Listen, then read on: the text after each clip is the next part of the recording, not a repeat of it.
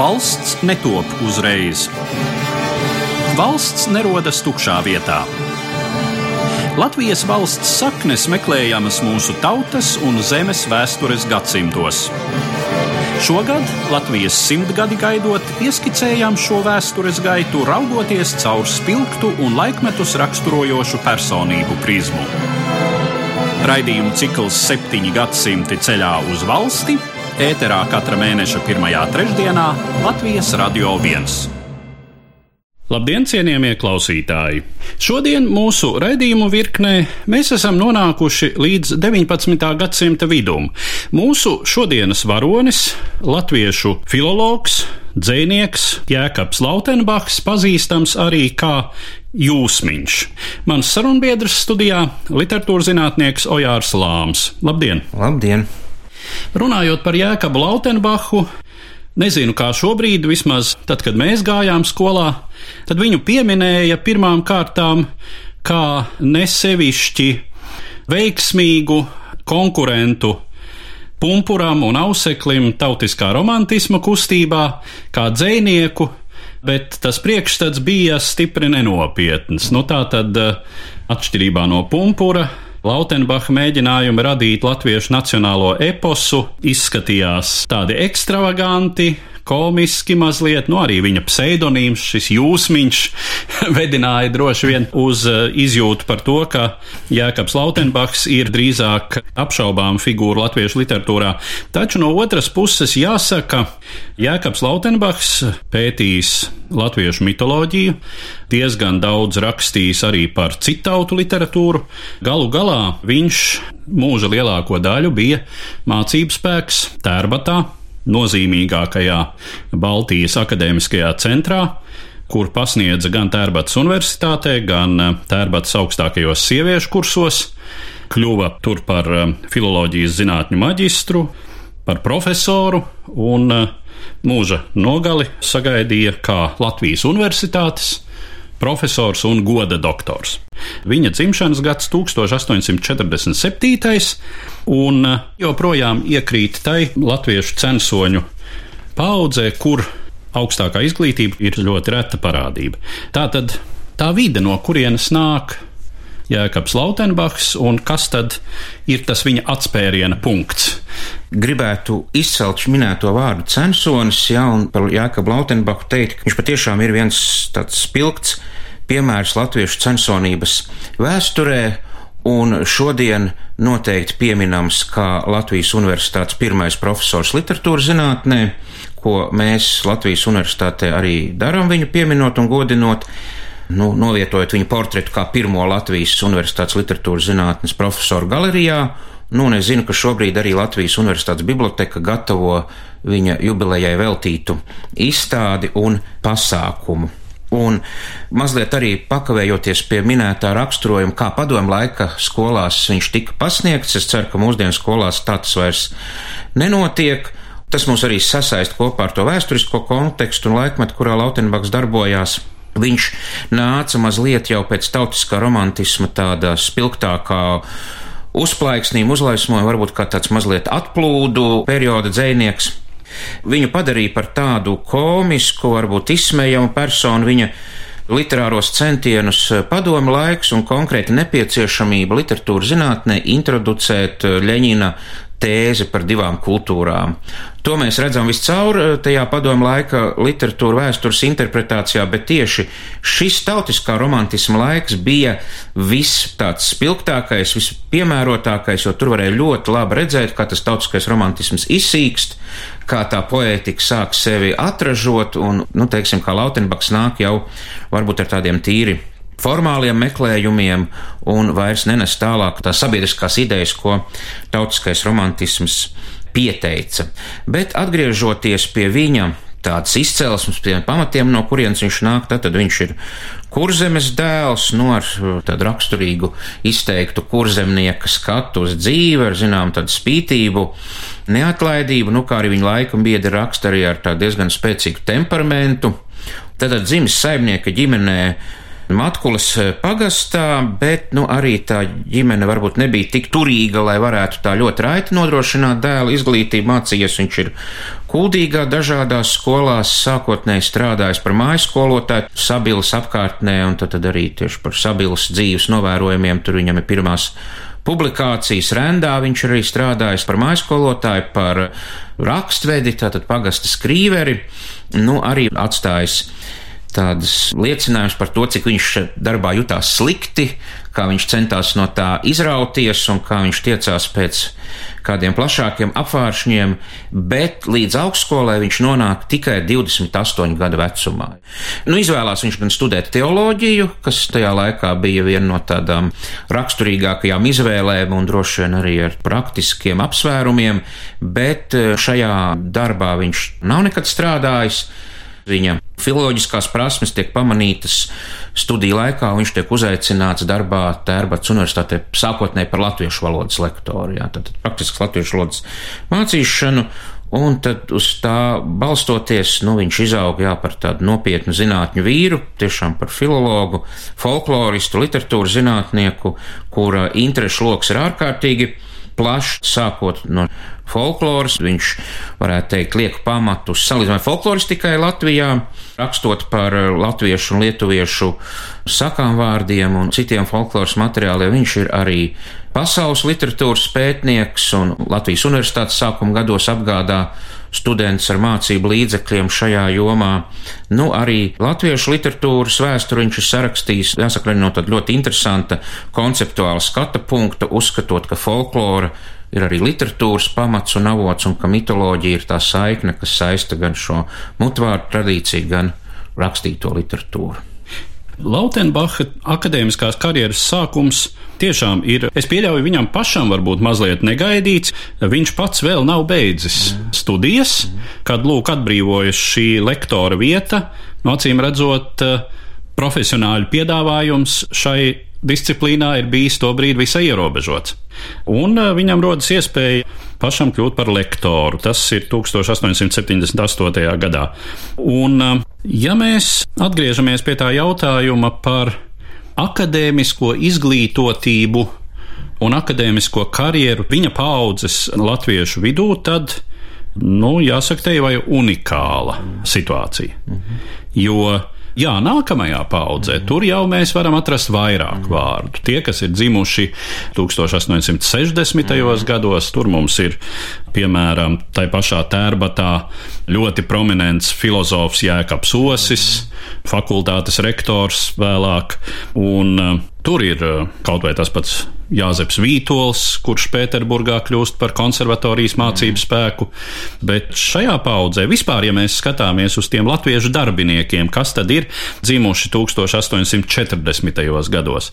Par Lautenbachu mazliet vecākie Pumpurs un Auseklis, tātad 40. gadu pats sākums, nu un tad ap viņa dzimšanas laiku, 40. gada otrā puse, tur ir Fricis Brīvzemnieks, tur ir Adolfs Salunāns, Latviešu teātris pamatlicējs, Bet uh, tad vairāk, vismaz tādu tā literātu plējādē, tādu ļoti spilgtu vārdu, es tā ātri pārskatot šo sarakstu arī neatrodu.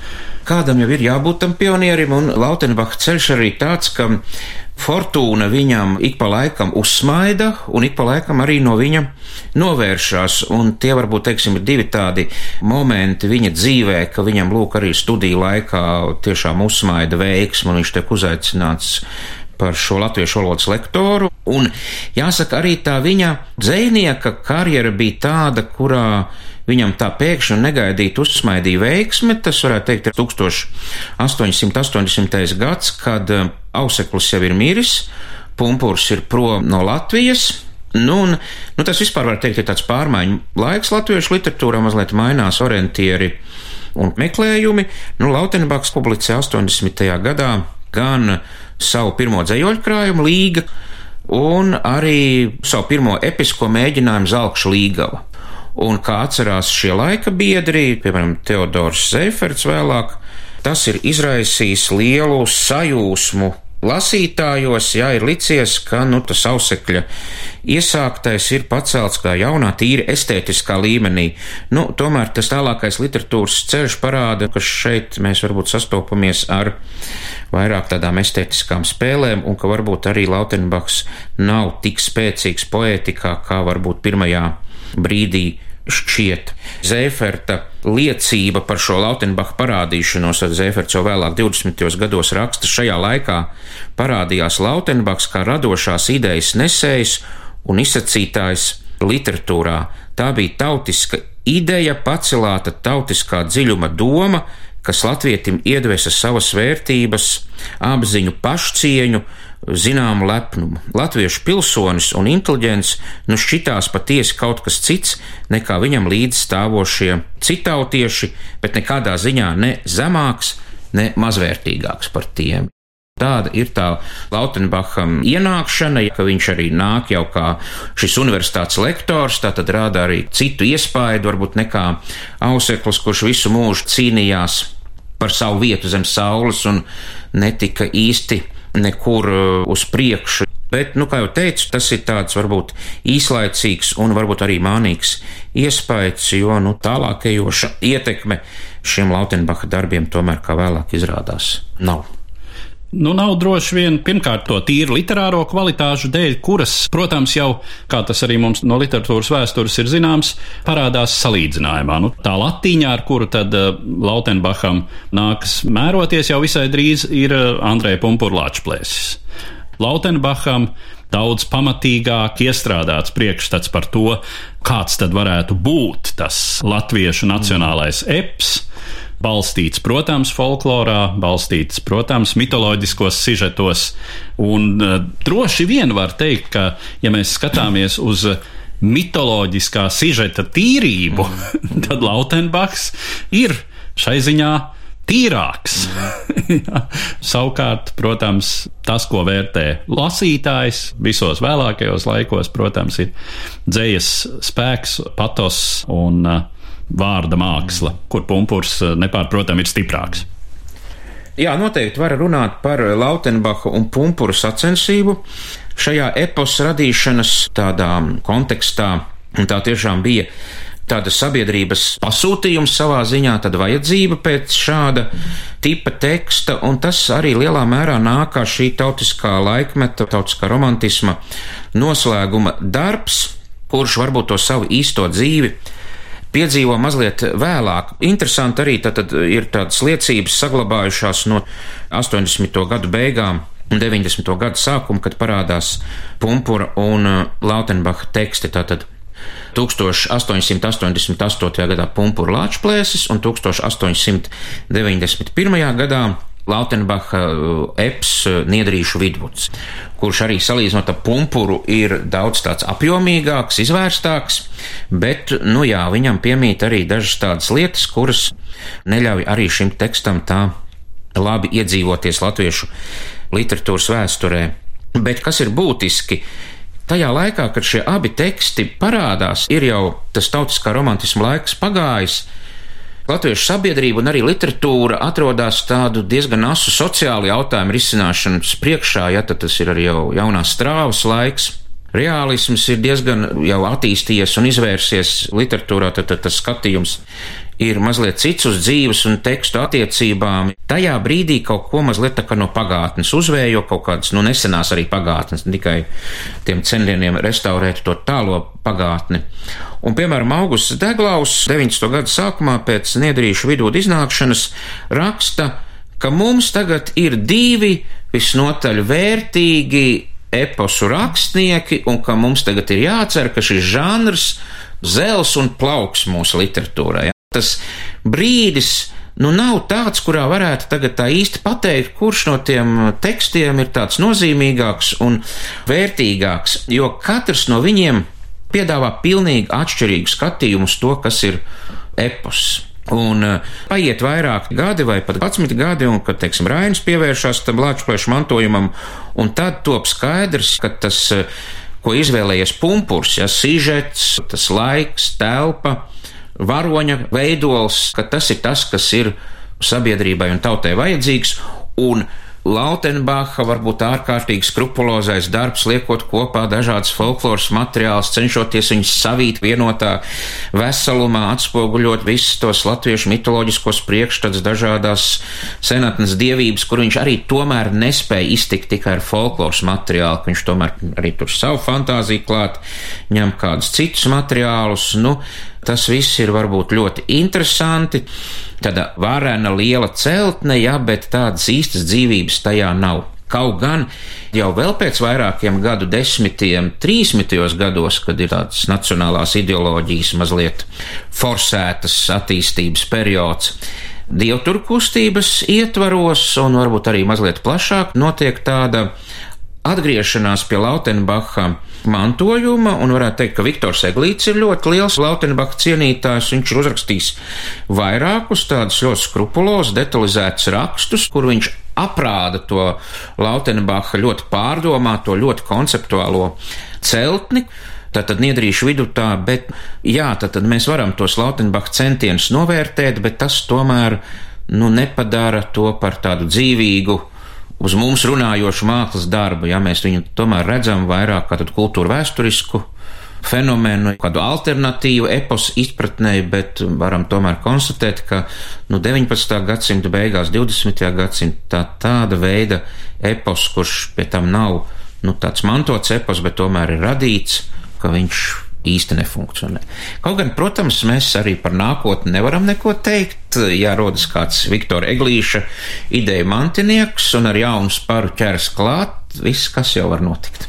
Jā, tieši tā. Un es mazliet ieskatoties Lautenbacha tekstos, pieķēru sevi pie tādas domas, ka droši vien, jā, 19. gadsimta beigās un vēl 20. gadsimta 20. un 30. gados literatūras vērtētājiem un arī dzan droši vien literatūras patērētājiem varēja būt diezgan skaidrs, kāpēc auseklis ir pārāks par Lautenbachu. Mm.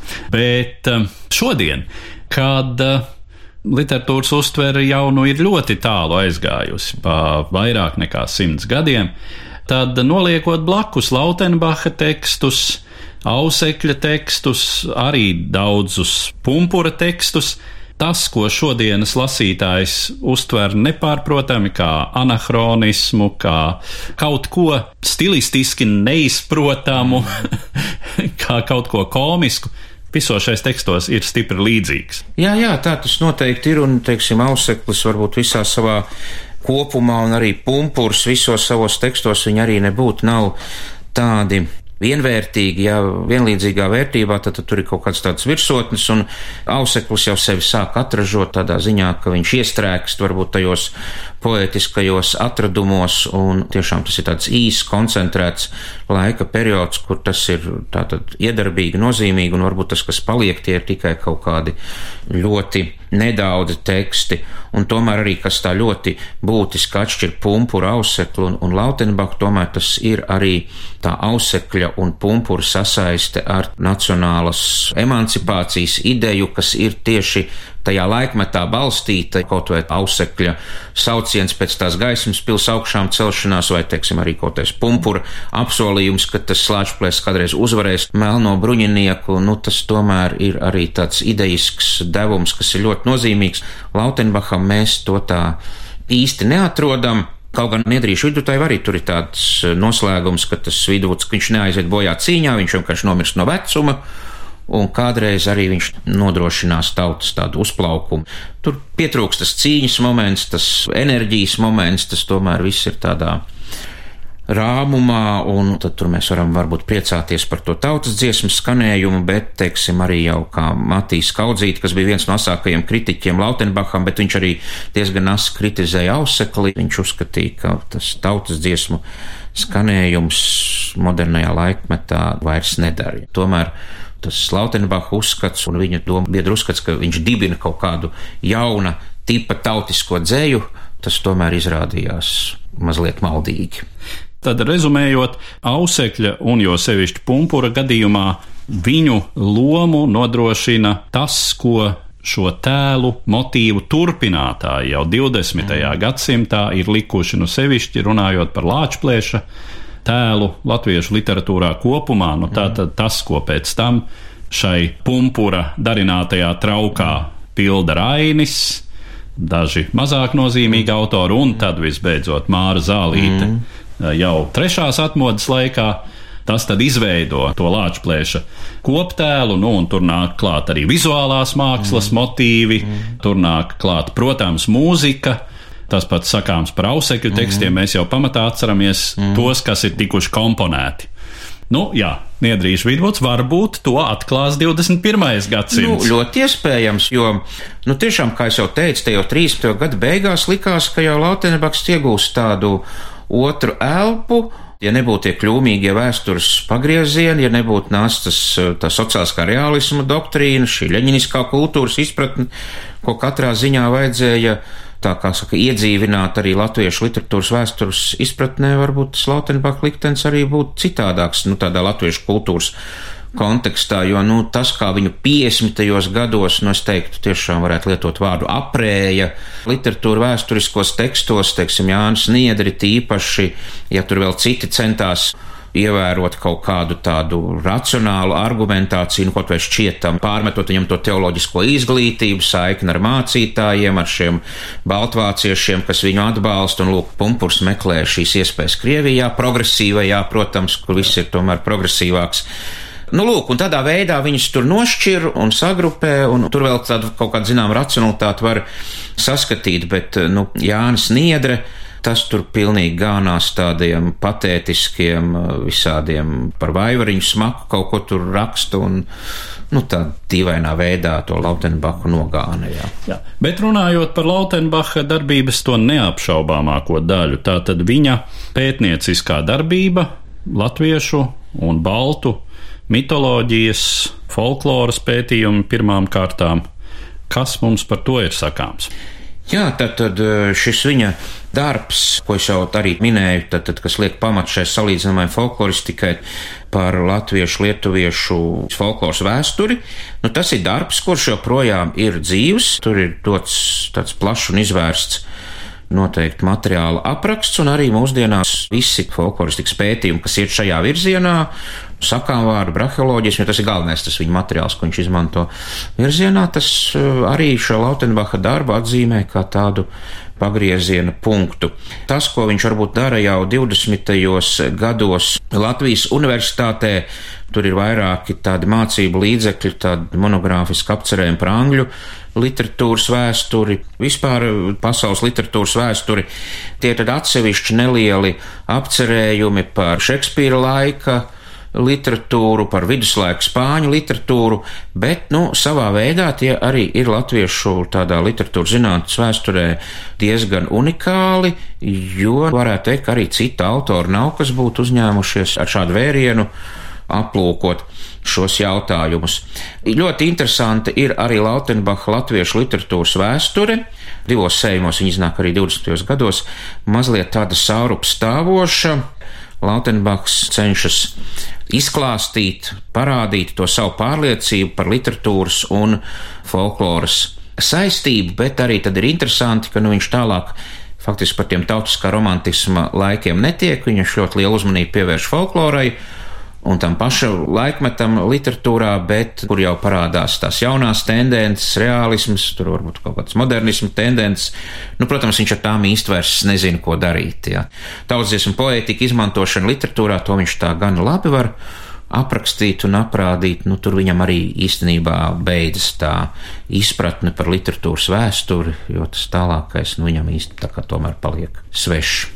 Bet eh, šos eh, Lautenbacha darbus ārzemju literatūras vēsturē arī droši vien tiešām ir vērts eh, atzīmēt, jo tā jau bija ļoti būtiska nepieciešamība tajā brīdī jaunajai Latvijas akadēmiskajai sfērai, mm. latviskajai akadēmiskajai sfērai, kas būtībā tapa tikai pēc Pirmā pasaules kara. Neatkarīgas Latvijas laikā nodibinoties universitātei, un šeit tad tiešām koncentrējot no citurienes tos spēkus, kas kaut ko varēja šai ziņā darīt. Un, eh, ja mēs pavērojam to, nu, cik daudz enerģijas vispār šai Latvijas pirmās neatkarības periodā starp diviem pasaules kariem, cik daudz enerģijas ir veltīts izglītošanai, Nu, kaut ko līdzīgu mēs varbūt vērojām tajā brīdī, kad eh, pēc neatkarības atgūšanas 90. gadu sākumā bija strauji jāaptver tas, kas bija liekts dzelzs priekškara dēļ, padomu cenzūras dēļ, teiksim, atsevišķi rietumu autori, kuru darbi šeit nebija ienākuši. Bet, protams, to īsti nevar salīdzināt apjoma ziņā un arī pieejamo intelektuālo spēku ziņā ar to, kas bija jāpaveic tad šai brīdī pēc Pirmā pasaules kara, kad tā latviešu filoloģija bija jāuzbūvē straujā tempā, mm. teju no nulles. Mm. Jā, noteikti Lautenbacham ir diezgan būtiska nozīme Latvijas universitātes humanitāro zinātņu vēsturē, un eh, tas arī ir būtiski, ka viņš tiešām apvieno gan šo latviešu tradīciju, gan rietumu tradīciju.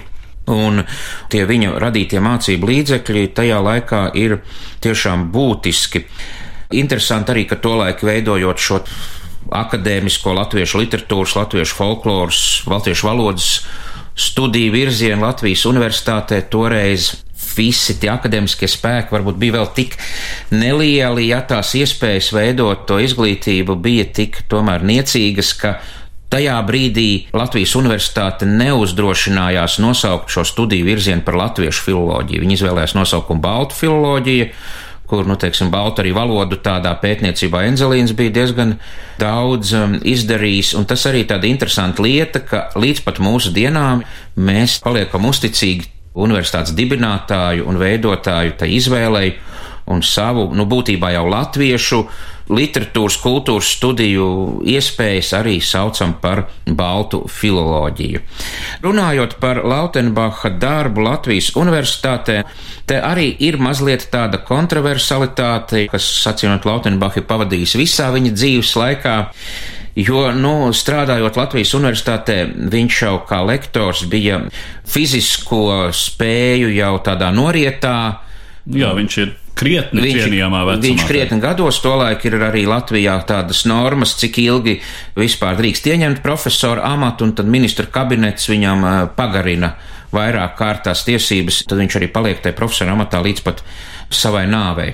Ir arī tādas atmiņas, bet tur arī varbūt viņām līdz galam nevar uzticēties. Anna Sakse tur mazliet tāda arī komiska atslēgā raksta savos romānos par viņa lekcijām, nu, ka viņš nav lāgu vairs dzirdējis, ja, un ka varbūt tāda tieši kontakta viņam ar auditoriju nav bijis, bet ir tomēr par viņa prāta asumu un gaišumu palikušas interesantas liecības no viņa un jau vēlākā profesora, kurš tajā laikā ir students 20. gados Jāņa Alberta Jansona sarakstus, jo Jānis Alberts Jansons 20. gados mācīdamies Latvijas universitātē iegūst arī stipendiju, lai papildinātos Vācijas augstskolās, un uz Vāciju viņš dodas caur Kauņu, gribēdam stiprināt to savu baltu filologa tādu izjūtu un tos horizontus, ja tā varētu teikt. Un viņš kaunā saprot, ka, lai gan viņš ir Rīgā studējis baltu filoloģiju, ka viņam ir ļoti vāja lietuviešu valoda, un ka viņš tur īsti tā nevar iekļauties un komunicēt tādā akadēmiski cienījamā līmenī. Un tad eh, tādā nu, jauneklīgā dedzībā, ja tā varētu teikt, Jānis Alberts Jansons uzraksta vēstules trījiem Latvijas universitātes eh, profesoriem, Enzelīnam, Plāķim un Lautenbacham, un tajās vēstulēs izsaka savus apsvērumus par to, kā būtu jāuzlabo piedāvātā izglītība Latvijas universitātē, nu, ja tomēr tas tiek saukts par baltu filoloģiju, lai tad būtu arī tomēr tā iespēja tos lietuviešu materiālus apgūt un komunicēt brīvi ar lietuviešu kolēģiem. Un ir šīs vēstules saglabājušās rakstniecības muzejā, ja nemaldos. Un plāķis e, uzraksta Jansonam atbildi tādā ļoti kategoriskā, niknā tonī, kur viņu nobar. Nu, respektīvi, ko tu atļaujies tā teikt? E, tu esi students, tev ir jājūt respekts, un viņš tur tiešām arī viņam tā saka, padomājiet, ja jūs gribat te strādāt, kā gan tas būs. Plāķis iesaka, lai Jansons raksta atvainošanās vēstules visiem tiem pašiem kungiem, kuriem viņš bija rakstījis tos eh, ierosinājumus, ko Jansons arī izdara, uz ko savukārt Lautenbachs viņam atbild, ka viņam ne par ko nav jāatvainojās, ka tas, ko viņš ir rakstījis, ir bijis lietišķi, saprātīgi, un arī, ka viņam ir tiesības izteikt savu viedokli un tapt uzklausītam. Ja, tad, tad tas parāda Lautenbachu, tomēr arī viņa jau mūža beigās, kā tādu atvērti, gaiši, saprotoši, domājoši un arī uz tādu sadarbību orientēta. Ar to mēs arī varētu noslēgt mūsu sarunu, kas bija veltīta 19. gadsimta otrās puses un 20. gadsimta sākuma latviešu pedagogam, filologam, dzēniekam, Jēkabam Lautenbacham Jūsmiņam. Un es saku paldies par šo sarunu manam sarunbiedram, literatūras zinātniekam Ojāram Lāmam. Paldies! Septiņi gadsimti ceļā uz valsti. Mūsu vēstures gaita pretī valstiskuma tapšanai caur iezīmīgu personību prizmu skatīta. Raidījumu cikls ēterā katra mēneša pirmajā trešdienā Latvijas Radio 1.